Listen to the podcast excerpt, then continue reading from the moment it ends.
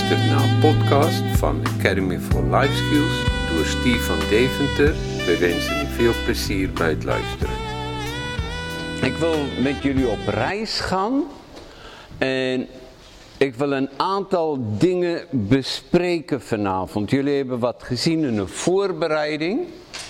Zo, wat ik graag wil doen, als je die tweede dia kan opzetten, uh, is ik wil eigenlijk wat ik ga behandelen de komende avonden. We gaan vanavond beginnen met wat is nou betekenis van Bijbels profetie. Want als we te maken hebben met de eindtijd, behandelen wij profetie. Zullen we gaan kijken naar wat betekent Bijbels profetie? En hoe interpreteer je een profetie? Hoe ga je daarmee om? Juist met de openbaringen van Johannes, want het wordt ook profetie genoemd. En dan gaan wij beginnen met de, eh, de tweede wat wij gaan doen. Is wij gaan kijken, stilstaan en beginnen te lezen in het boek openbaring. En ik wil graag dat je met mij daarin meegaat. Wie heeft nu onlangs, vandaag of afgelopen weken boek openbaringen gelezen? Oké, mooi. Wie heeft het uitgelezen? Ja, afgelopen dagen of... Nee, maar goed. Ik wil je aanmoedigen, juist voor het verstaan om mee te gaan in wat we gaan doen, wil ik je aanmoedigen, ga het lezen. En dan wil ik je vragen om de makkelijkste, de eenvoudigste vertaling van de Bijbel te nemen. Als je altijd Nederlandse Bijbel leest, je kan Engels lezen, ga eens de Engelse Bijbel lezen. Ga, eens lezen in een eenvoudige vertaling en probeer het te lezen. Of anders luister naar een uh, Bijbel-app, zodat je het kan horen. Uh, en bid daarbij. Filippenzen 9 vers 10 zegt uh, dat we moeten bidden dat de Heilige Geest ons zal helpen om te onderscheiden waarop het aankomt. Oké, dan gaan wij kijken naar de zeven tijdsindelingen van het, in het boek Openbaring. En dan gaan wij kijken naar wat zijn nu de overzichten die daarin voorkomen. En dan gaan wij kijken naar de bijbelse betekenis van begrippen. Er zijn verschillende visies op, de boek, op, op het boek Openbaring. Uh, er is verschillende gedachten over het boek Openbaring. Dat het een, een toekomstvoorspelling is.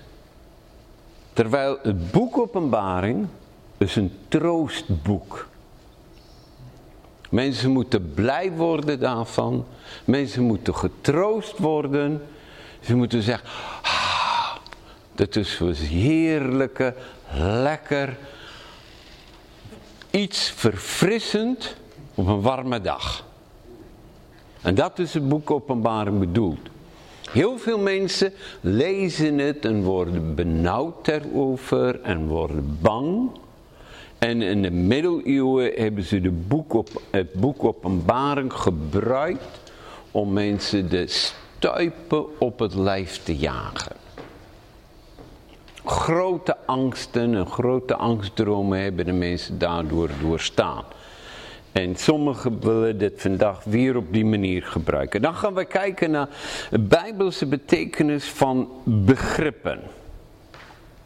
De dag des Heren, de oordeelsdag. Uh, we gaan kijken naar, naar antichrist. Wie is de antichrist? Wat is dit? Wat betekent dit? Hoe herkennen wij de antichrist? Dan gaan wij kijken naar hoofdstuk 6, de hemelse troonkamer. En dan de voorbereiding van de gemeente en de eindtijd op de komst van Christus. En ik hoop, ik hoop echt dat we dat allemaal kan, kunnen behandelen. Ja? Goed. Hoe gaan wij dit doen? Als wij dit doen, wij gaan beginnen met eigenlijk vanavond te kijken nou wat houdt bijbelse profetie in. Nou, waarom, noem ik Bijbel, waarom gebruik ik het woord bijbelse profetie? Als je naar je boek openbaring gaat. Op je hebt een telefoon of een bijbel bij je. Een telefoon met een bijbel daarop. Dan staat er een vers 3 van openbaring. Zou je verder willen gaan, uh? En dan gaan wij daar kijken naar wat is nou de inhoud van Bijbelse profetie. Dat gaan wij vanavond doen. En Bijbelse profetie is het volgende. Openbaring 3, uh, 1 vers 3 zegt, zalig hij die voorleest of zij die horen de woorden van de profetie en het bewaren wat daarin geschreven staat, wanneer de tijd is nabij.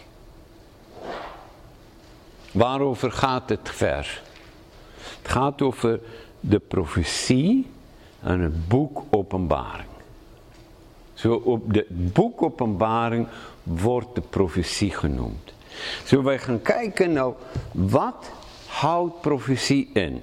En dan wil ik beginnen met de standstelling en ik zeg, Bijbelse profetie is altijd voorwaardelijk. En dan gaan we kijken naar begrip voorwaardelijk. Dat gaan wij vanavond mee beginnen. Wat zijn de voorwaarden voor een profetisch woord? Hoe interpreteert men profetie? En dan gaan wij beginnen met openbaring. Oké, eerstens het woord Margreet het volgen. Apocalyps. Wat betekent het woord apocalyps? Wie kent het woord? Wat voor beeld heb je bij apocalyps? Toekomst. Toekomst. Nog iemand? Dramatisch. Dramatisch. Dramatisch. Openbaring. Maar, maar, maar wat betekent nou het woord apocalyps? Wie heeft ooit de film gezien Apocalypse Now? over Vietnam. En als je beelden ziet wat te maken heeft met een apocalyps, dan is het altijd iets vreselijks. Het is altijd oorlog en allerlei zulke dingen. Wat? Ja, eh, of Harmageddon. De berg bij Megiddo. Ja. Allerlei zulke dingen. Het woord apocalyps, apo is een voorzetsel en kalips betekent openmaken. Dat is hetzelfde woord als openbaring. De Griekse woord betekent als je de gordijnen opentrekken. Dat is al. Dat is geen woeste, wilde gebeuren. Ook het kan dramatisch zijn. Het kan verschrikkelijk traumatisch zijn als je s'nachts niet vroeg op bed kwam. En s'morgens vroeg gaat iemand en die rukt de gordijnen open als de zon fel naar binnen schijnt. Oké, maar, maar dat is eigenlijk al wat het woord apocalyps betekent. Het betekent opengaan. En openbaring van Gods wegen betekent dat God zachtjes de gordijnen openschuiven en wat meer en wat meer laten zien van zijn plannen, van zijn hart, van waar hij is en waar hij mee bezig is. En wat vanuit hemels perspectief gebeuren op aarde. En het heeft niets te maken met oordeel of oorlog of strijd of allerlei dingen. Dit is een eenvoudig woord. Als ze opstonden s morgens, dan vragen ze, heb je al de apocalyps op middengordijnen gepleegd? Zo, waar komt die gedachte aan? Juist vanuit de middeleeuwen. En heel veel mensen boeren daar nog meer dat het een begrip is van einde van de wereld. Vooral de filmindustrie, die gebruikt zulke woorden. Zo, God laat iets zien vanuit zijn hemelse perspectief. En Johannes maakt het mee. En hij beleeft het binnen een bepaalde tijd en ruimte. En wat hij dan zien, is zij zien eigenlijk hele grote lijnen van Gods plan die samen met elkaar, samen in elkaar vloeien. En de eerste christenen, die waren heel blij met het boek. Want het, het maakte voor hen de toekomst duidelijk en het bereidde ze voor op vreselijke dingen die zo komen, maar het maakt het open en het brengt het helder. Als je vragen over iets hebt, dan mag je, ja. Uh, kan dit ook uh, doorgemaild worden wat hier uh, staat? Ja, dat kan doorgemaild worden. Maar ik weet niet wie het gaat mailen en aan wie het gemaild moet worden. Zo, ik ben niet zo goed met zulke dingen. Zo, of jullie moeten iemand vragen van uh, de Europoort of, of, iets. Want ik, ik ben hier gewoon gast aan huis. Ik heb wel heel veel te doen met Daniel, maar voor de rest ben ik hier gewoon lekker gast. Oké? Maar je mag het van mij, van mij hebben. Goed, gaan we naar het tweede. Wat is nou het doel van openbaring. En, het doel van openbaring, het boek openbaring, is het is een profetie. Het is een profetie die God zijn, uh, zijn uh, uh, plannen weergeeft.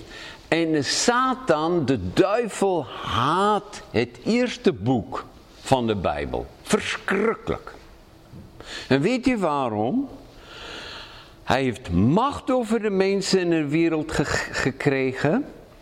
En hij, in het laatste boek, zien hij alles weer kwijtgeraakt heeft. Door Christus. Maar alles waarvoor hij geknokt heeft, gaat verloren. En juist daarom is daar zoveel misverstanden ook over het boek Openbaring, omdat de duivel het haat. Heel veel mensen zijn bang om die boek te lezen, want ze krijgen vrees als ze dit lezen. Terwijl het boek geeft een enorme zegen. Er staat in Openbaring 1, vers 3, wij hebben het al gelezen. Gelukkig, dat is de nieuwe Bijbelvertaling, is wie dit voorleest. En gelukkig zijn zij die deze profetie horen en zich houden aan wat hier gezegd wordt. Want de tijd is nabij. De NBG-vertaling vertaalt het woord Makarios in het Grieks, de eerste woord met zalig. Wie dit leest en wie dit daarna luistert. De Engelse vertaling vertaalt het gewoon heel eenvoudig en mooi. Blessed is a man. Gezegend is een persoon die het boek openbaring leest. En daar gaat het om. En ik, ik wil heel graag dat jij boek openbaring gaat lezen. En dat je gaat delen in die zegen van God. Ik heb, was jarenlang predikant en allerlei dingen gebeuren en kan gebeuren in een gemeente. En, en, dan lag ik wakker in de nacht, kon niet slapen. En totdat ik dit ontdekt had. Weet je wat ga ik doen als ik zorgen heb? Als ik niet kan slapen? Als ik druk word in mijn hoofd? Dan ga ik openbaring lezen. Je krijgt hoofd van. Hm? Hoofd van. Je krijgt hoofd. Ja, maar je krijgt een zegen. Het is de enige boek in de Bijbel waar in het begin van dat boek staat, als je dit leest, zal je gezegend worden. Als je luistert erna dat het voorgelezen wordt, zal je ook een zegen ontvangen. Nou, ik was al in situaties waar ik niet wist wat we moeten doen en hoe wij verder moeten gaan, mijn vrouw en ik. En dat wij zeiden, Heer, wij hebben een dubbele zegen van u nodig. Wij hebben u echt nodig dat u inkomt in onze situatie. En weet je, wat deden wij dan? Dan gingen we hardop openbaring lezen. Want als je het leest, ontvang je zegen. En als je luistert naar het voorgelezen, ontvang je ook een zegen. Dat is een manier om een dubbele zegen te ontvangen. Oké? En je, die mag me een beetje gek vinden daar, maar wij hebben ook al met geldzorgen gezeten. En dan zei heer, ik weet niet welke kant op en hoe we moeten en wat we moeten doen. En ben gewoon begonnen om openbaring te lezen en openbaring te lezen. En te lezen en te zeggen, u zegt, ik ontvang zegen als ik het lees. En wij hebben nog elke keer doorbraak gezien. Als ik niet kan slapen, dan doe ik mijn telefoon, die Bijbel-app aan. En het eerste waarmee ik begin, is met het boek Openbaring. Of ik begin bij Johannes Evangelie of Hebreeën en ik luister naar het einde, maar ik, ik luister naar openbaring. Zoals je zegen wil ontvangen, heb ik je echt aanmoedig. En het is niet alleen een begin van het boek, maar in openbaring 22 vers 7 eindigt het ook. Het eindigt met dezelfde woorden. Wie dit leest en de, die woorden bewaart, ontvangt zegen van God. Wie daar iets aan toevoegt, ontvangt de vloeken die daarin geschreven is. Zo daar is een belofte ook weer aan het eind juist over deze woorden. Deze woorden, zei hij, zijn getrouw en waarachtig. En de Heere, de God van de geesten van de profeten, heeft zijn engel gezonden om zijn knechten te tonen wat weldra zal geschieden. Ik kom spoedig. Gelukkig, zalig, hij die de woorden van de profetie van dit boek bewaart. Oké, okay.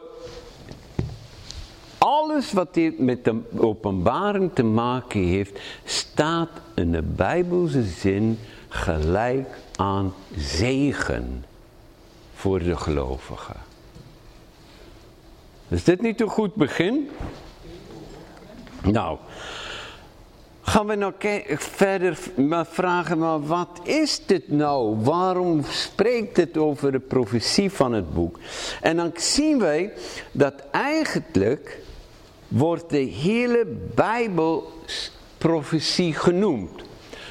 Petrus noemt het. In 2 Petrus 1 vers 19 en 21 staat er.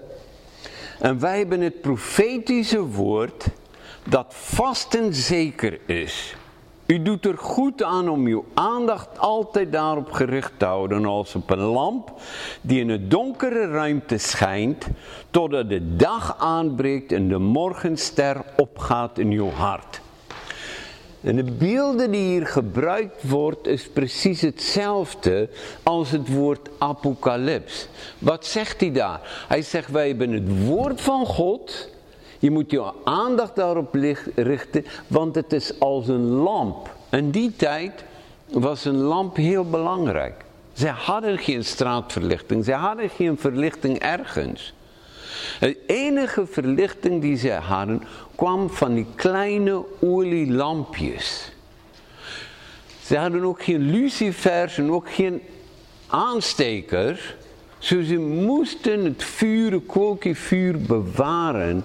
En wat is er dan heerlijk als het dan donker is en je kon een lamp aansteken en wat gebeurt? Het licht begint te schijnen. En hij zegt, dat is wat profetie, de woord van God doet. Het brengt licht. Zoals een lamp in de donkere ruimte, zoals de dag aanbreekt. En als je de morgenster ziet, dan weet je, het begint licht te worden in het oosten. Het morgenster kondigt de dag aan. En dat zingen wij ook. Hebben wij geleerd te zingen in de adventstijd. Uh, het dag breekt aan. Jezus, de hoop van de wereld, die de duister gaat verdrijven. Het morgenster, het licht breekt aan. Dat bezingen wij in een adventstijd. Maar dat is eigenlijk wat profetie doet. Wanneer je een woord van iemand krijgt, de woord van God, dan is het ook vaak iets wat je zegt. Als het een goede profetie is, hè, dat werpt even een andere licht op de zaak. Of het geeft duidelijkheid. Aan iets wat God aan je gezegd heeft, het geeft duidelijkheid. Het geeft net een, een, woord vanuit Gods perspectief om jou te helpen, om je te bemoedigen. En dat is, de, dat is het woord apocalyps. En hij vergelijkt het met alles waar daar iets open gaat, waar er licht komt. Zo, dat is de ervaring wat je moet hebben wanneer jij openbaring leest. Dan zegt hij, besef daarbij vooral dat geen enkele profetie uit de schrift een eigenmachtige uitleg uitleg toelaat. Want nooit is een profetie voortgekomen uit menselijk initiatief. Mensen die namens God spraken, werden altijd daartoe gedreven door de Heilige Geest. Nou, wat Petrus hier zegt, hij zegt de schrift is profetie. De Bijbel is profetie. Als je het Oude Testament en het Hebreeuws leest, het eerste wat je leert is er zijn twee tijden in het Hebreeuws. Een is een perfectum en een imperfectum. En het werkt precies anders, maar ze noemen het de profetische woordgebruik. Dat is het eerste wat iedere uh, Hebreeuwse student altijd moet horen. Met andere woorden, daar is een geheimenis in de schrift en het heeft te maken met Gods woord. En er zijn twee woorden voor het woord, voor het woord woord. Het woord betekent logos in het Grieks. En zo begint op eh, Johannes evangelie ook. En het begin was het logos en het logos was bij God en het logos zelf was God. Hij was in het begin bij God. Alle dingen is door dat woord logos geworden en zonder hem is geen ding geworden dat geworden is. Zo begint het Johannes evangelie. Zo wanneer je de Bijbel leest, is dit logos, dit is het woord van God. Maar terwijl je dit leest, gebeurt het dat ineens wordt een tekst levend. En het raakt je. Wie kent dat? Nou, dat betekenis daarvan is het Griekse woord rema. Gesproken woord. En dat betekent dat wat, God, wat je leest is door God geademd in de persoon die het ontving en schreef. Met zijn eigen stijl, met zijn eigen karakter, met zijn eigen persoonlijkheid zit erin. En dat is zo verschillend van een Koran of van allerlei dingen, want God gebruikt ieder persoon zoals die is met zijn of haar gaven. Je aanleg en je gaven komt vanuit zijn aanleg en gaven en karakter. En hij gebruikt dat, dat kostbaar aan God. Uh, het Oude Testament is het heel mooi. Als je, als je Amos leest, hij zegt het ook, joh, ik ben geen, geen profeet, ik ben niet de geleerde. Uh, en dan zegt hij het, ik ben een oppasser van wilde vijgenbomen. Nou stel iemand zou jou vertellen, weet je, ik ben eigenlijk in Nederland, ik pas de eikenbomen op de Veluwe op.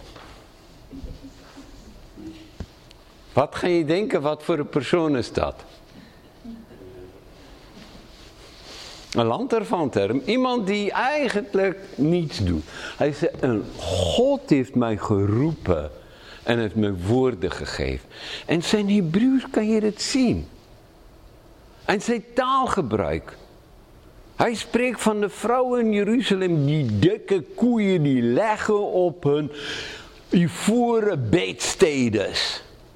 Dat is zijn taalgebruik. Jesaja, die heeft prachtige taal. Heel mooi. Mooie woorden, die gebruikt geen krasse uitdrukkingen.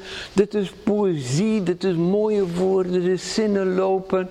En, en Amos kan je bijna zijn accent horen. Hij komt uit het platteland, uit het noorden van het land. Hij praat anders dan de ander. En dat zie je in zijn Hebreeuws. En dan, met andere woorden, God inspireert hem door de Heilige Geest in zijn geest en de gaven en talenten die Amos heeft, die kwam op papier. God inspireert en hij raakt iemand aan als Jesaja, die uit koninklijke hoofd komt, een hele goede opleiding heeft. En waar de geest hem aanraakt, gaat door hem en een logos wat hij gebruikt is heel deftig, heel mooi, heel zangerig, heel poëtisch. Wanneer, wanneer Jesaja beschrijft dat de priesters dronken worden en dronken de offers voortbrengen, dan gebruik hij woorden met allemaal klanken. Als je ze, stamelen in de, in de tempel en ze zwaaien rond, en, en allemaal S-klanken in zijn woorden. Je, je ziet ze bijna waggelen van dronkenschap. Zo, wat zeg ik nou eigenlijk? Gods woord is geïnspireerd, maar is niet letterlijk vanuit de hemel zo neergeschreven. Omdat God werkt altijd met ons en door ons zoals wij zijn. En elkeen van ons is anders. En dat zie je ook in het Nieuwe Testament met de schrijvers. Als iemand bidt, als ik ergens moet gaan preken en hij zegt, oh Heer, laat Steve spreken en dat het alleen maar woorden van u zijn, dan denk ik, ik weet niet of het zo gaat gebeuren. Want wat gebeurt? Is wanneer ik preek, kan het gebeuren dat terwijl ik preek, dat er iets je raakt. Heel diep. Maar ik heb bijvoorbeeld 8000 woorden in de preek gebruikt. En vijf heeft je geraakt. En die ander 900, 7995 woorden, wat was dat? Het is gewoon stief. En gelukkig gebruikt God het ook dat dit e- dier iemand raakt en daar iemand. En dan wordt het veel minder stief. Maar, maar hij werkt nooit dat wij als mensen helemaal uitgeschakeld worden. Het beeld dat we hebben van... Uh, dat vertellen ze dat Mohammed heeft alles zo opgeschreven uit de hemel zoals het gebeurd is. En als zit geen fout tussen, dan denk ik ja, ja, gelukkig werkt God zo niet. En dat zie je zien wanneer wij openbaring lezen. Het, dit is een, gebeurtenis, een vloeiende gebeurtenis. En het heeft te maken met het woord.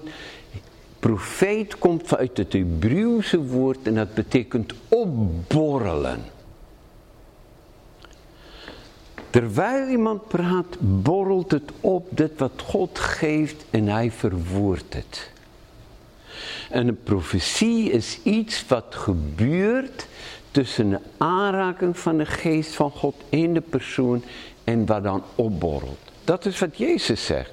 Wie in mij gelooft, stromen van levend water zal uit zijn binnenste vloeien stromen. Dat zal opborrelen. Aan de vrouw bij de put zegt hij, het zal een fontein in je worden die ontspringt en opborrelt tot een eeuwig leven. En wat mijn gebed voor je is wanneer je openbaring gaat lezen, is dat je gaat lezen en dat sommige gedeelten gewoon zal opengaan en zal borrelen in je binnenste en je hart verbinden met de troonzaal van God. Want dat is de realiteit wat er nu gebeurt in de hemel. En dat zag Johannes. Zo, oké, dat is het eerste wat ik zeg over profetie. Maar het tweede dat ik wil brengen is, profetie is altijd voorwaardelijk. Omdat het Gods woord is die tot ons komt en omdat God elkeen van ons geschapen heeft naar zijn beeld en zijn gelijkenis, hebben wij een wil, hebben wij een verstand, hebben wij emoties en moeten wij met hem gaan meewerken. en dat zie je in de roeping van Abraham. Vanaf het allereerste begin in de Bijbel. Genesis hoofdstuk 12, een van, een van de, de mooiste hoofdstukken in de Bijbel. Dan, dan komt God en hij ontmoet Abraham. En Abraham is op dat moment nog een volslagen heiden. Abraham is ook de jongste van een familie. En is niet de belangrijke persoon. Plus, hij is al 75 jaar oud. En ze hebben geen kinderen.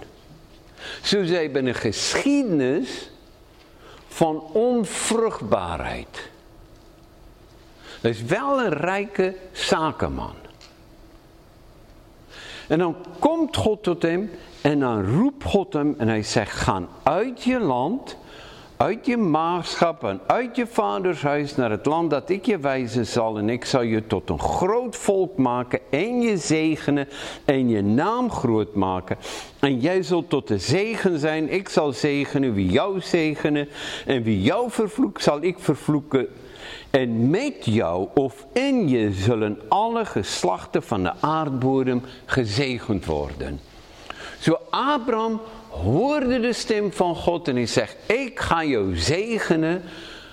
Maar dat is het de voorwaarde. Wat moet Abraham doen om die zegen te ontvangen?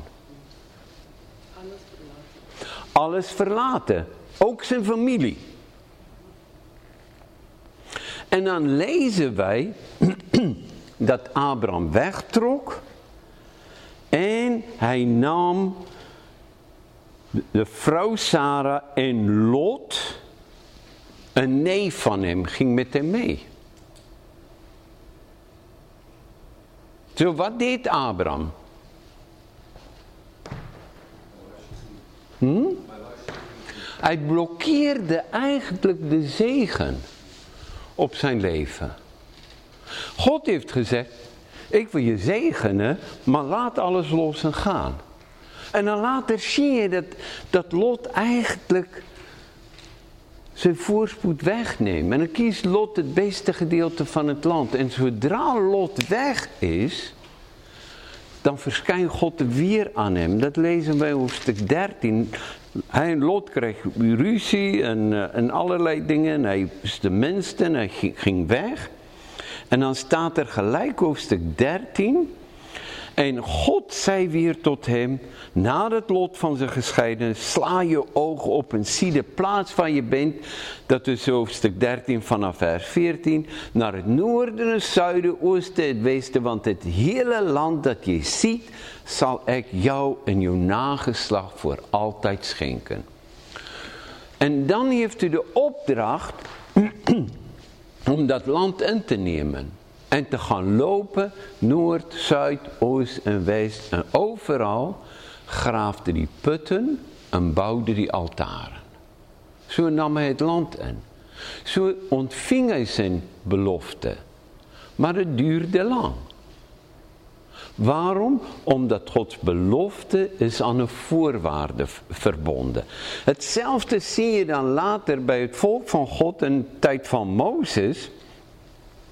Dat God zegt, dit wat ik Abraham beloofd heb, wil ik jullie geven. Trek uit Egypte. God doet tekenen, wonderen. En hij zegt, ga naar Sinaï, daar sluit ik een verbond met jullie. Dat is eigenlijk een huwelijksceremonie wat God daar wil uitvoeren met het volk. Hij zegt, en dan gaan wij naar het land overvloeiende van melk en honing. Dat had 70 dagen kunnen duren. Maximaal. Binnen 30 dagen waren ze bij de berg. Daar hadden ze feesten en vandaar konden ze trekken. Als je kijkt naar bijbelse getallen, dan was het waarschijnlijk 70 dagen. Hoe lang heeft het geduurd voordat ze kwamen in het beloofde land? Wiens schuld was dat? Hm? Dat is een eigen dikke schuld. Ja, toch? Ongeloof, mopperen in de woestijn. Ze werden ziek van de manna. Ze klaagden over de mannen. Ja, wij eten altijd mannen. Mannen spaghetti, mannen burgers en allerlei dingen. En Mozes moest ze gelukkig houden. Waarom zeg ik dit? Is omdat God heeft gezegd, dit wil ik doen aan jou. Dit ga ik doen. Dat land geef ik je, maar dat waren voorwaarden. En zo zie je het telkens in de schrift. Jona wordt gestuurd naar Nineveh. En God zegt binnen 40 dagen dan ga ik de stad verwoesten. Een oordeelsprofetie. En Jona wilde niet gaan. Waarom wilde Jona niet gaan? Hij zegt het later. Ik wist het al, want u vergeeft altijd. En die mensen daar is zo slecht. Zij verdienen niets anders dan straf. En God zegt, maar joh. En die stad wonen er dieren. 30.000. En zoveel kinderen die nog niet eens weten wat links is of rechts is. Hoe weten ze wat goed en kwaad is? En God wil ze bewaren. Een oordeelsprofetie in de Bijbel werd dan afgewenkt doordat een heidens volk zich gingen bekeren. Waarom wilde de profeet van Israël niet gaan? Want God moet ze straffen en God is genadig en barmhartig en groot van goedertierenheid, altijd vergevend. Dat is het eerste oor, uh, oordeelsprofetie. Gaan we naar je, uh, 2 Koningen hoofdstuk 20, dan krijg je koning Eskia. Een profeet gaat naar hem, lees 2 Koningen, uh, Koningen hoofdstuk 20 vanaf vers 1.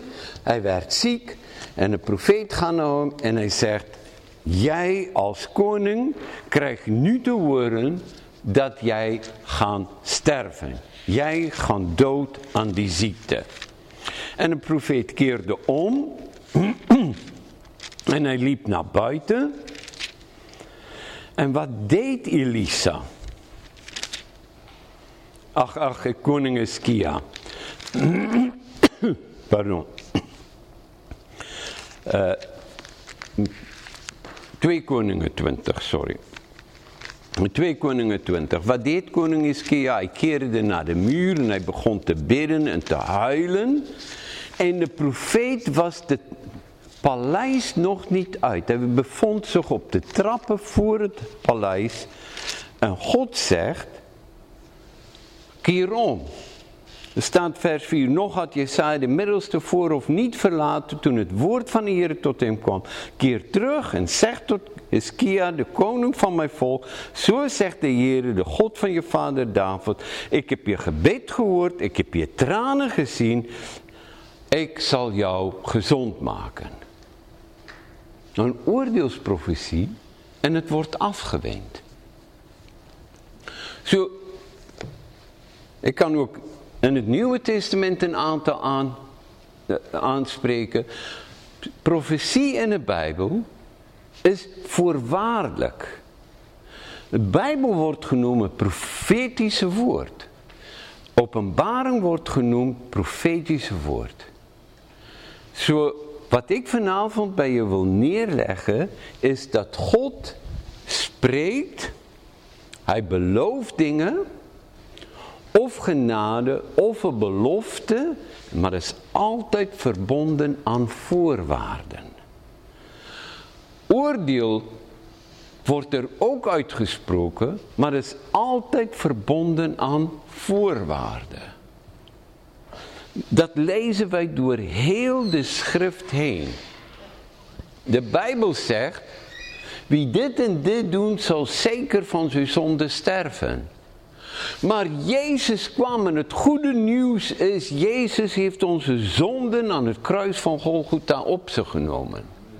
Maar er zit wel een voorwaarde aan. En wat is de voorwaarde? Ik moet het persoonlijk aannemen. Als ik het niet persoonlijk aanneem, dan heb ik er niets aan. Klopt dat? Nou, God zegt, als ik zondig, zal ik zekerlijk boete voor mijn zonde. Maar als ik ga en ik vraag, hier vergeef me om Christus wil, wat gebeurt er? Dan krijg ik vergeving en het oordeel heeft Jezus gedragen voor ons. Dat is de kader waarbinnen wij de Bijbel lezen. En in het Nieuwe Testament, want de voorbeelden wat ik nu tot dusver gebruikt heb, waren allemaal vanuit het Oude Testament. Als we gaan naar het Nieuwe Testament, dan, dan zien we het ook. In het Oude Testament zijn er nog meer. Uh, dat is die tekst wat ik net gelezen heb. Maar hij krijgt nog 15 jaar. Zo alles wat God doet vanaf de tijd van Abraham, heeft God zich verbonden aan de handelingen van mensen op aarde. Hoe kwam zonde in de wereld? Door Adam en Eva. Hoe ging de zonde van ons weg uit de wereld? Door de mens Jezus Christus. God heeft gezegd, en de profeet Daniel, dat nou, ach, en, en Jeremia, dat de ballingschap van het volk in Babylonië zou 70 jaar duren. Wanneer Daniel daar zit, dan leest Daniel dit in de Bijbel en hij zegt, jong, dit is 70 jaar dat God gezegd heeft dat we hier zullen zitten. En dan ging hij tellen en hij zei, hé, hey, het is nu 70 jaar. Dan begint hij te vasten en te bidden. En zijn gebed zet engelen in beweging. En door zijn gebed en door wat er gebeurt, kan God het volk uit de ballingschap uithalen. En in, die, in Daniel staat er dat vanaf het eerste moment, Daniel, dat je je hart erop gezet had om God te zoeken, ben ik gekomen. Zijn woorden zetten engelen in beweging.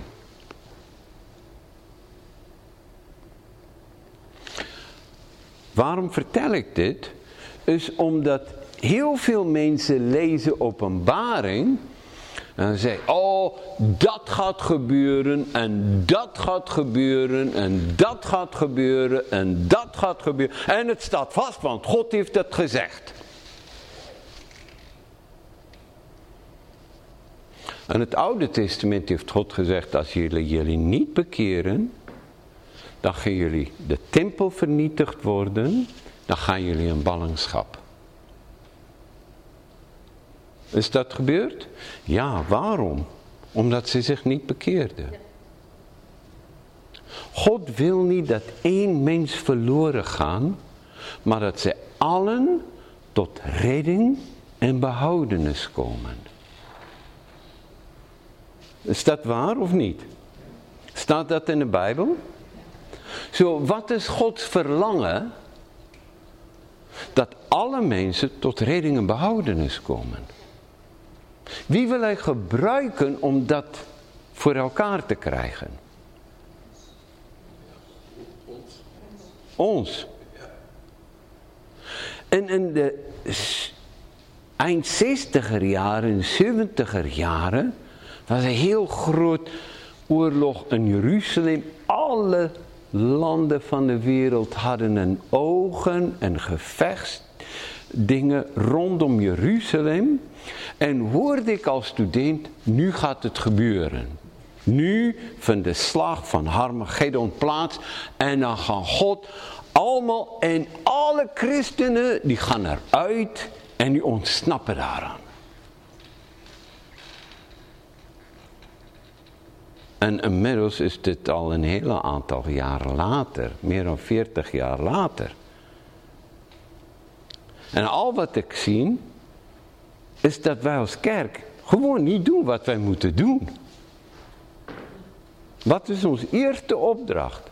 Ga daarin, maak alle volken tot discipelen. En wanneer het evangelie aan alle volken verkondigd zal worden, dan zal...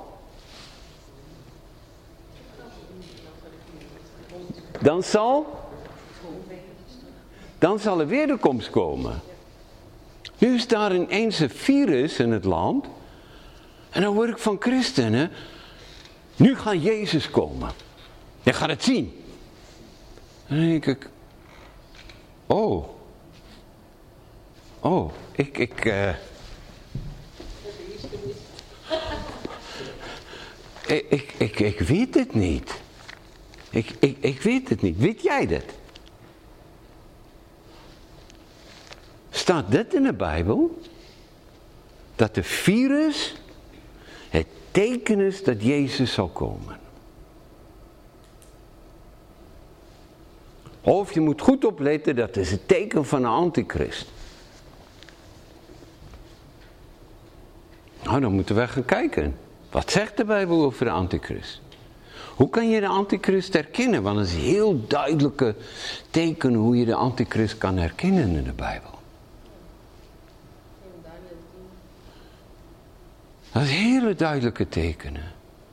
Hij, hij logent dat Christus de Zoon van God is. Wat zeg je? Hij logent dat Christus de Zoon van God is. Dan ja. Geest. Ja.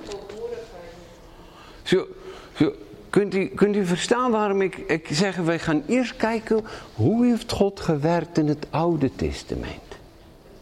Wat zijn de Bijbelse patronen? Zoals God spreekt, dan is dit de waarheid. Maar is verbonden aan voorwaarden. Of wij werken mee, of we werken tegen.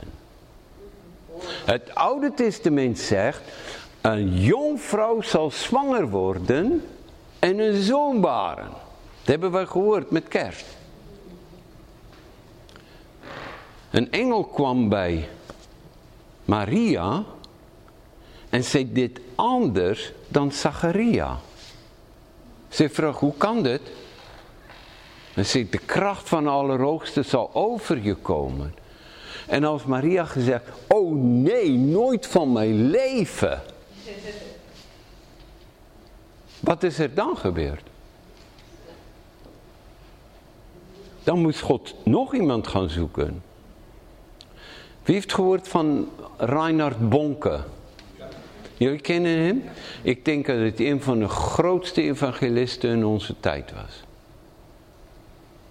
Reinhard Bonke vertelt het verhaal dat hij een dag zei tegen God. Hij zei, Heer, ik verbaast mij daarover. Ik kan het niet in mijn hoofd halen waarom u mij gekozen heeft om dit te doen. Ik ben zo dankbaar daarvoor. En toen zei God tegen hem, Reinhard, je was niet mijn eerste keuze. Reinhard, je was niet mijn tweede keuze. Je was niet mijn derde keuze, maar je was wel gewillig. En het bijbelse patroon is wanneer God iets zegt, iets belooft, dan vraagt hij ons medewerken. Dan vraagt hij mensen om met hem dit samen te gaan doen. Wanneer het volk van God in Egypte roepen tot God en ze roepen tot God, Heer haal ons uit de problemen hier in Egypte, dan stuurt God een man en zijn naam was Mozes. Ik kwam op een plaats, wij willen een gemeente stichten een omgeving. En, en, en God veranderde ons plannen helemaal. En wij kwamen in, uh, een gemeente die zijn gestopt. Dat was oneenigheid, voorganger weg, allerlei dingen weg. En ik was een twee dorpen verderop, was ik aan het bidden hier. Als wij weer beginnen, dan moeten wij dit hebben. We moeten een zaal hebben. Ik wil niet gaan stoeien om stoelen te krijgen en allerlei dingen. Er moet een goede vloer zijn. Ik wil stoelen daarin hebben, geluidsapparatuur, al die dingen. En ineens worden wij gemeentes gestopt. En alles stond er. We konden het zo overnemen. Zei iemand tegen mij, ja, ja, ja, ik heb gebeden dat God de gemeente verder zal, zal leiden. Dus ik, ik ben een antwoord op je gebed. Nou, die man had grote moeite met mij. Dan ging hij weer weg en dan hoorde hij weer van iemand de profetie. Je moet bij het huis zijn. Je hebt ervoor gebeden. Ik was de antwoord op zijn gebed, maar hij was niet gelukkig met mij. Mozes was de antwoord op het gebed van het volk van Israël. Ze waren ook niet blij met hem. Twee mannen waren de antwoord, dus hadden de sleutel om het beloofde land binnen te gaan. Caleb en Joshua, die wilden zij stenigen. En het hele volk werd 40 jaar. Te laat, later kwamen zij in Egypte aan. Dan kan je zeggen, ja, maar dat heeft niet te maken met de wederkomst van Christus. God heeft gezegd dat Jeruzalem eeuwig de stad van God zal zijn. Jeruzalem zal de stad zijn waar Jezus zal terugkomen met zijn voeten op de berg staan, op de olijfberg. Klopt dat? Ken jullie profetieën? Hoe zal het gebeuren? Ik lees in Jesaja 62, vers 6.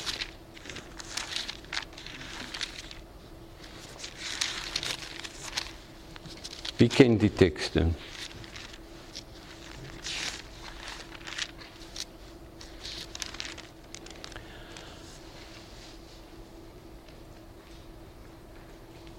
Op je muren Jeruzalem heb ik wachters aangesteld die de ganse dag en de ganse nacht nummer zullen zwijgen. U die de Heer een dachtig maakt, gun u geen rust en laat hem geen rust totdat hij Jeruzalem gegrondvest heeft en stelt tot de lof op aarde. De Heer heeft gezworen. Hier staat dat God zegt, jullie moeten blijven bidden. Herinner jezelf om het te doen en herinner mij aan mijn beloften. Het boek Openbaring eindigt met een gebed. Jezus zegt, ik kom spoedig en het gebed is, kom Heer Jezus, kom Heer Jezus, kom. En ik heb het meegemaakt dat waar ik het hardop uitriep, op een einde van een laatste zondag van het jaar, oudejaarsavond in een kerk, en ik zeg, kom dit jaar Nieuwe jaar wat komt. Nou, twee van de oudere mensen in de gemeente die schrokken zo veel. Die zeiden, ja, maar jij hebt niet jonge kinderen. Jij hebt niet tieners. Hoe kun je dit nou bidden? Gestel dat hier naar werken komen, dan gaan mijn kinderen verloren. Maar bidden wij, is dat ons hart verlangen, roepen wij uit dat Jezus zal komen of niet? En wat ik lees in de schrift, is dat God een alles vraagt die medewerken van mensen. Hij kan dit alleen doen. Hij kan duizenden engelen eh, motiveren om met hem dingen te doen. Om het evangelie naar alle volkeren te brengen. Hij doet het niet. Hij is afhankelijk van ons en onze gewilligheid. En ik geloof wanneer wij, wij openbaring lezen, dan, dan, dan wil ik dat die, lamp gaan branden in je hart. Dat je gaat zien, oh God heeft plannen. Hij heeft plannen voor de wereld. En openbaring eindigt met de woorden. Ik verklaar tegenover iedereen die de woorden van de profetie hoort, dat je niets toevoegt. En hij die deze dingen getuigt zegt, ja ik kom spoedig. En een roep van de kerk moet zijn, amen, kom Heer Jezus. En de Bijbel zegt, wanneer je ziet dat allerlei zulke dingen gebeuren, hef je hoofd omhoog, want die redding is nabij. Maar even nou ook over profetie, terwijl wij het nou daar hebben. Wat moet je dan doen, hoe, hoe werkt dan die profetie? Als, als God toch iets gezegd heeft, dan is het toch klaar en duidelijk en goed en wel. Of niet?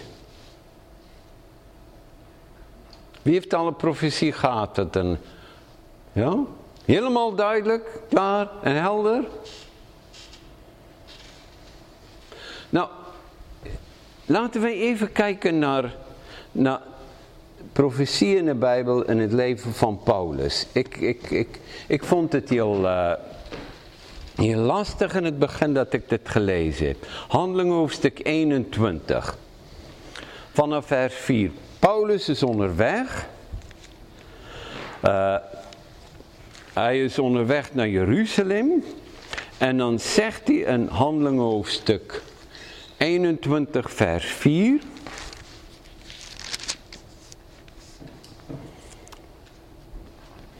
Uh, hij was bij Tyrus en daar waren discipelen. Hij was daar zeven dagen gebleven. En deze zeide Paulus door de geest dat hij niet naar Jeruzalem moet gaan.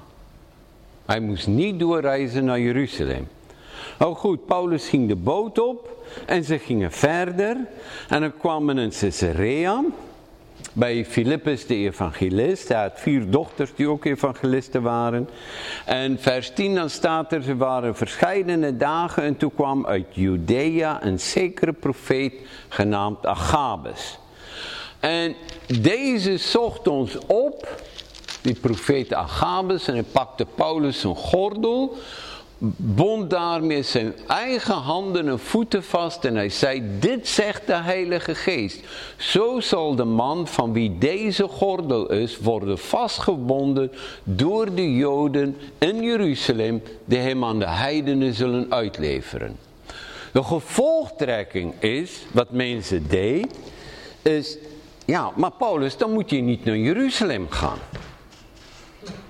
Ja toch? En wat zegt Paulus?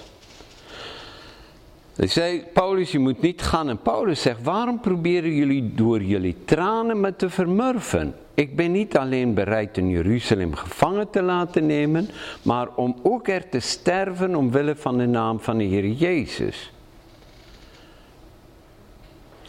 En oh, ik heb de tekst daar twee keer in gezet, zie ik. Oh, joh, je wordt een beetje oud, joh.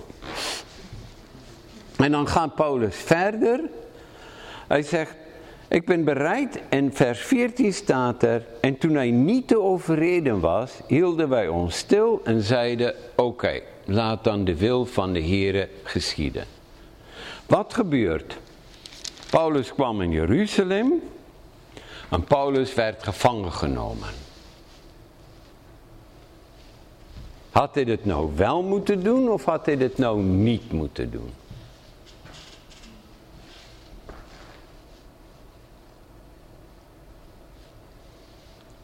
Wat denken jullie? Hij had drie verschillende waarschuwingen dat hij gevangen genomen zal worden als hij naar Jeruzalem gaat. En hij ging toch. Wat zei je? Dat geeft toch niet? Het is voorspeld, maar uh, niet het einde van de wereld. Nou, het was bijna voor hem einde van de wereld. Maar, maar, maar Paulus had er ook nog een andere profetie van, van houd moed, want zoals we hier spreken, zal je ook in Rome spreken. Ja, hij moest naar Rome. Dat was daarna. Ja, het was erna. Wat was de roeping van Paulus? Wat was het allereerste woord dat hij van God gekregen heeft? Hm? Dat hij voor koningen en voor de keizer zal getuigen. Op dat moment was dat nog niet gebeurd.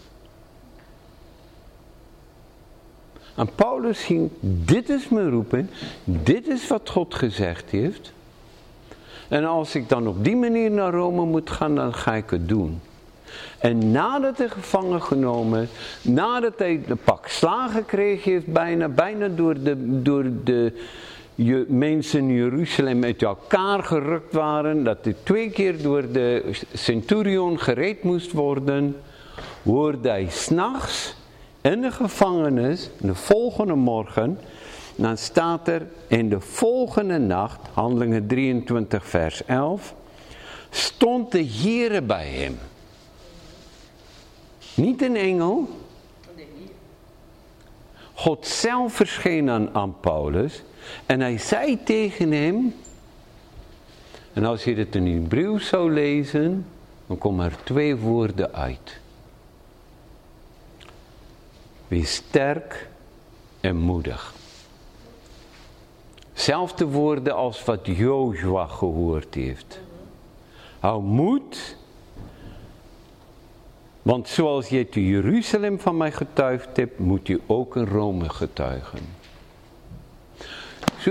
Wat gebeurt er? En ik denk dit is waar wij in de problemen komen. Als christenen horen een profetisch woord. En dan zeggen ze, dat moeten wij doen.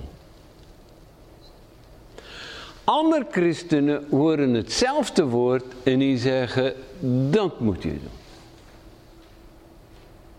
Hoe kom je daaruit? Hoe moet je nou weten wat jij moet geloven van openbaring? Hoe moet je weten wat jij moet geloven over de eindtijd? Want als die ene dit hoort, dan zegt die ene christen, ja, maar dit is de gevolgtrekking. En een, een ander in zegt, nee, ik hoor dit, maar dit is de gevolgtrekking wat wij moeten doen. Wat is nou de sleutel daar?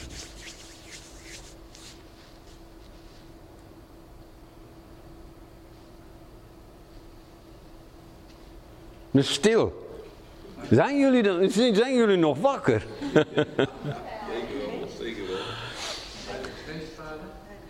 Met andere woorden, Heer, ik bid u om een geest van wijsheid en openbaring. Verlicht de ogen van mijn hart, zoals het in het Griek staat, en niet mijn denken, zoals in de Statenvertaling staat. Maar verlicht de ogen van mijn hart, dat ik zal onderscheiden waarop het aankomt. En wij moeten zelf krijgen dat Gods geest tot ons spreekt en wij weten wat om te doen.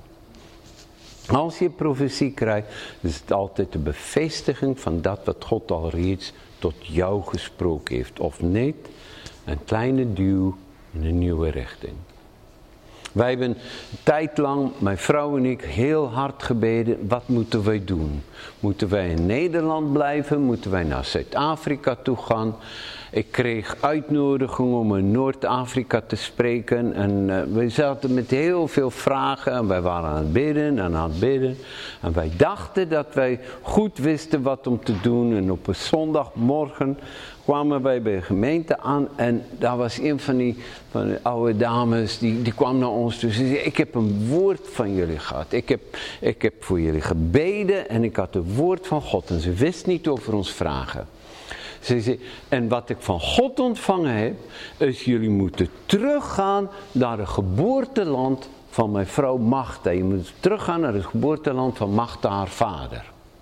Ze zei, ik had het beeld dat ik je zag tussen allemaal kleine zwarte kindertjes. Ik geloof jullie moeten teruggaan naar Zuid-Afrika. En wij zeiden, oh geweldig, wat een mooi woord heb je voor ons. Je gevolgtrekking vinden we niet zo leuk, maar, maar je woord dat is goed, dat raakt ons hart. Wat zij niet wist, is dat Magda, vader, was in Nederland geboren, in Leidsendam. En wij wisten het zeker. Dat wij hier moesten wonen.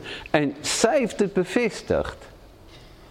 En dat voor mij zien tussen zwart. Oh, ik heb mooie foto's van. We hebben meer dan vijf scholen hebben wij in Ghana gebouwd.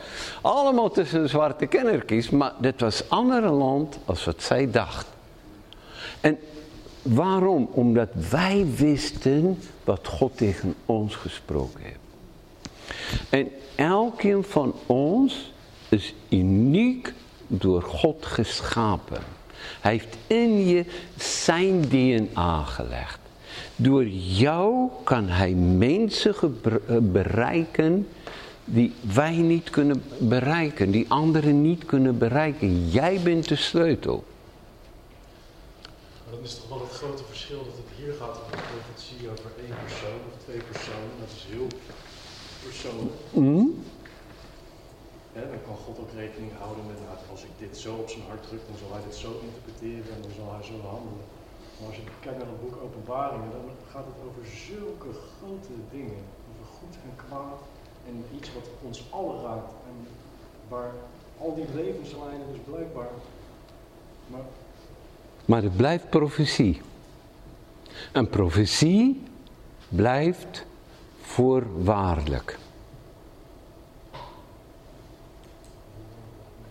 Want het heeft steeds te maken met Gods plan. Vanaf het begin voor Genesis. Dat hij Adam en Eva een prachtige tuin plaatste. En toen verbrouwden ze dat. Toen riep hij Abraham. En in Abraham had hij een plan voor de ganse wereldbevolking. Toch? Dat is toch heel groot, of niet?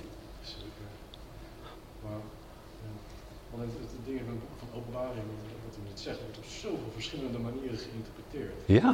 En de een zegt dit is waarheid, en de ander zegt dat is waarheid. Ja, daarom. Tegelijkertijd lees ik net, lees ik voor het eerst, want uh, het stond heel anders.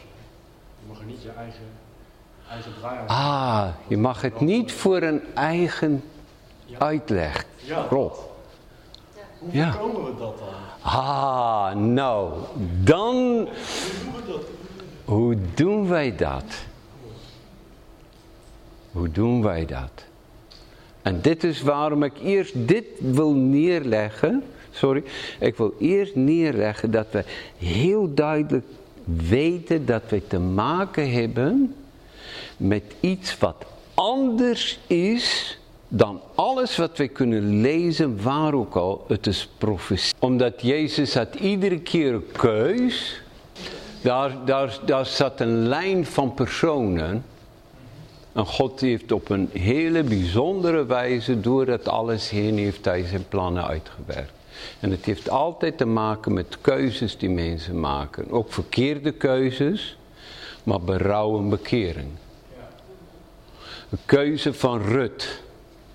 Uw volk is mijn volk. De keuze van David. Om overspel te plegen. Terug te keren naar God. Dat zijn allemaal, als je doorheen gaat, dan zie je in dit alles zie je menselijke fouten, falen en keuzes. Maar het gebeurt niet zonder de mensen. En God overroelt het niet. En hij doet het niet met een... Maar daar, elke proces zit er keuzes. En als, als we, dat moeten wij gaan bedenken. En ergens hebben wij vanuit een, een, een, zekere theologie hebben wij overgenomen. Als God dat wil doen, dan gaat God het op die en die manier doen. En, en, en, en in de Bijbelse verhalen zien we dat niet. En dat moeten wij voor onszelf imprinten. Want anders zitten wij bijna bij zoiets, ja, maar voor de grondlegging van de wereld wist God al dat dat en dat en dat en dat zou gebeuren en daarom heeft hij het zo gedaan. Nou, nee. En, en dit heeft te maken met het Griekse denken. En een Griekse denken die past het systeem daarop en die ziet alles lineair. En God werkt zo niet, heeft nooit zo gewerkt. Ook niet in het Oude Testament. En heel veel van de theologische begrippen die wij hebben, komt vanuit de Griekse denken. Hm? Begrippen als alomtegenwoordigheid, almachtig. En, en heel veel theologische bouwwerken zit dat in. Ik lees in Genesis dat God zegt, dat en dat gebeurt op aarde. Ik wil neerdalen om dit te zien. Er staat vijfmaal in het Oude Testament. Bij de torenbouw zegt God, ik wil neerdalen om het te bezien. God bezoekt Abraham. En hij zegt, ik heb gehoord over Sodom en Gomorra. Ik wil dit gaan zien. En Abraham zei, oh nee, dat moet, dat, dat moet je niet doen. Als, waarom zegt het Oude Testament dat God neerdaalt om dit te gaan zien? Waarom moet hij neerdalen? Wat zeg je? Dan eh, had het niet gehoeven. Als hij alwetend was, had het ook niet gehoeven. En als wij die gedachten weghalen. Want wat was Gods openbaring aan Mozes? Mozes zegt, ik wil uw heerlijkheid zien, ik wil uw grote kracht en alles zien. En God zegt, ik zal jou mijn goedheid tonen. Daar staat goedheid. In de Nederlandse Bijbel vertalen ze dit met luister. Engelse vertaling vertaalt het woord goed. En het Hebreeuws gewoon met goedheid. Ik zie mijn goedheid tonen. Mozes zegt, stoot, wijs mij uw spierballen. En God zegt, ik zie mijn hart tonen. En dit is waar wij de mist in gaan met zulke dingen. En daarom wil ik dat je gaat, oké, maar hoe denkt God nou over dit? Niet het theologische systeem, maar hoe denkt God? En in de Bijbel en met name een openbaring moeten we Gods hart zien te lezen. En als wij zijn hart vinden in dat boek, dan komen wij tot, ja, dan krijgen wij nieuwe apocalyps. En niet oorlog en strijd en, en, grote dingen. Maar dan zien wij dit. En wat het probleem is, en dat zie je ook in, de gereformeerde theologie, is een van de, die zegt, ruiter op een wit paard, dat is altijd Jezus. Maar Jezus staat en hij roept. En dan komt er een ruiter op een wit paard. Met een boog. Dat is niet de beeld van Jezus in de schrift. Dus je kan niet zeggen, overal waar ik lees van een ruiter op een wit paard, is dat Jezus. Nee. Zeven is het teken van volheid. Maar dat betekent niet overal waar ik de, de, de getal 7 vind, is dit een teken van volheid en van God. Het is ook een teken van oordeel wegnemen. En, en zo, wij moeten, wij moeten gaan kijken, oké, hoe, moeten wij dit lezen? Wat lezen wij? En, en daar wil ik je graag een aanmoedigen. En daarom wil ik je, ik wil je prikkelen. Ik wil je prikkelen.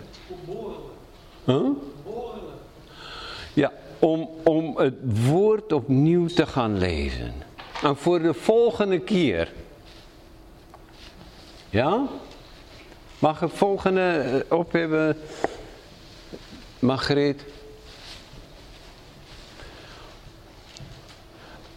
Of, of laten we niet even kijken. Dit boek is zo totaal anders dan andere boeken. Dit is zo'n totaal andere boek. Want wat zien wij? Johannes was niet van plan om te schrijven. Heel veel mensen zeggen, ja, het een visioen. Nee.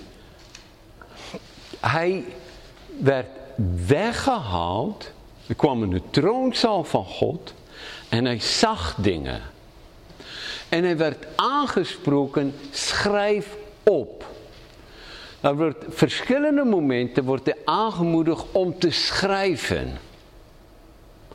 En wat ik dan zie, ik zie Johannes staan daar.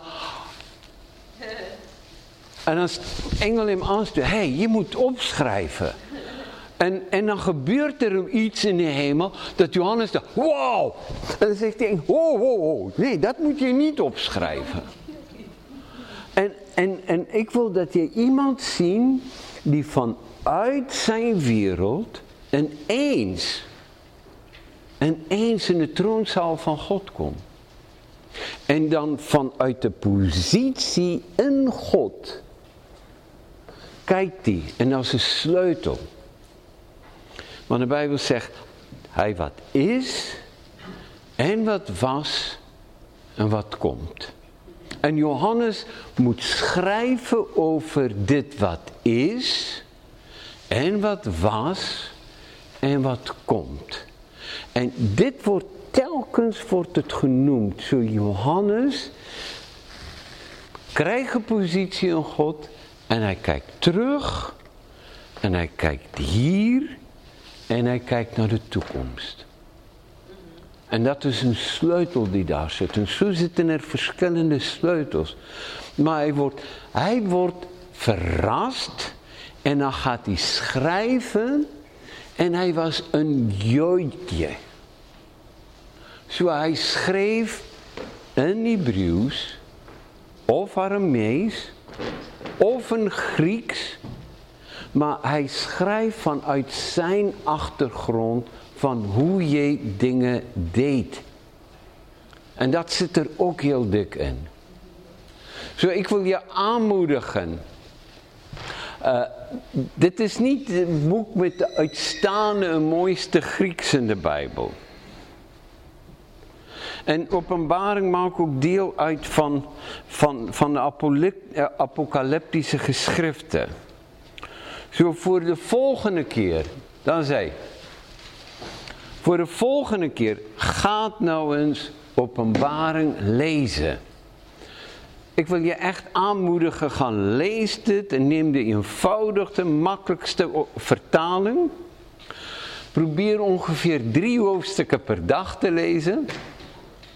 Dan kan je het in een week uitlezen.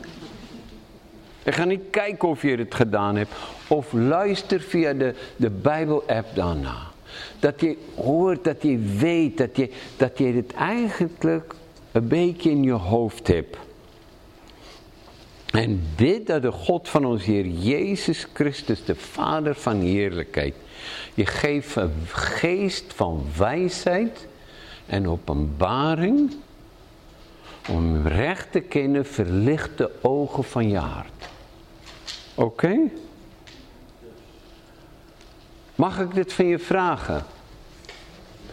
En, en dan gaan wij avontuur aan. Dan gaan wij avontuur aan. En ik weet, ik heb het in het verleden meegemaakt. Dat terwijl we soms samen lazen, terwijl wij soms samen, dat de Heilige Geest kwam en dat mensen gewoon een verwondering Jezus aanbidt. En, en dat is eigenlijk waar het boek om gaat. Oké. En als je een vraag hebt over vanavond, ga er eens over nadenken. Maar, maar is dit, hoe, hoe werkt het dan dat profetie voorwaardelijk is? Hoe, hoe, hm? Nou, en, en soms is het heel belangrijk om als een kind gewoon de Bijbel te gaan lezen. Want Jezus zegt dat u hebt het voor wijze en verstandige mensen verborgen, maar aan kinderen geopenbaard. Vader, ik bid u, wilt u elke keer nabij zijn en zegenen en prikkel ons om opnieuw na te gaan denken over uw woord. Over je plannen voor de wereld, maar je plannen voor ons persoonlijk. En de naam van Jezus.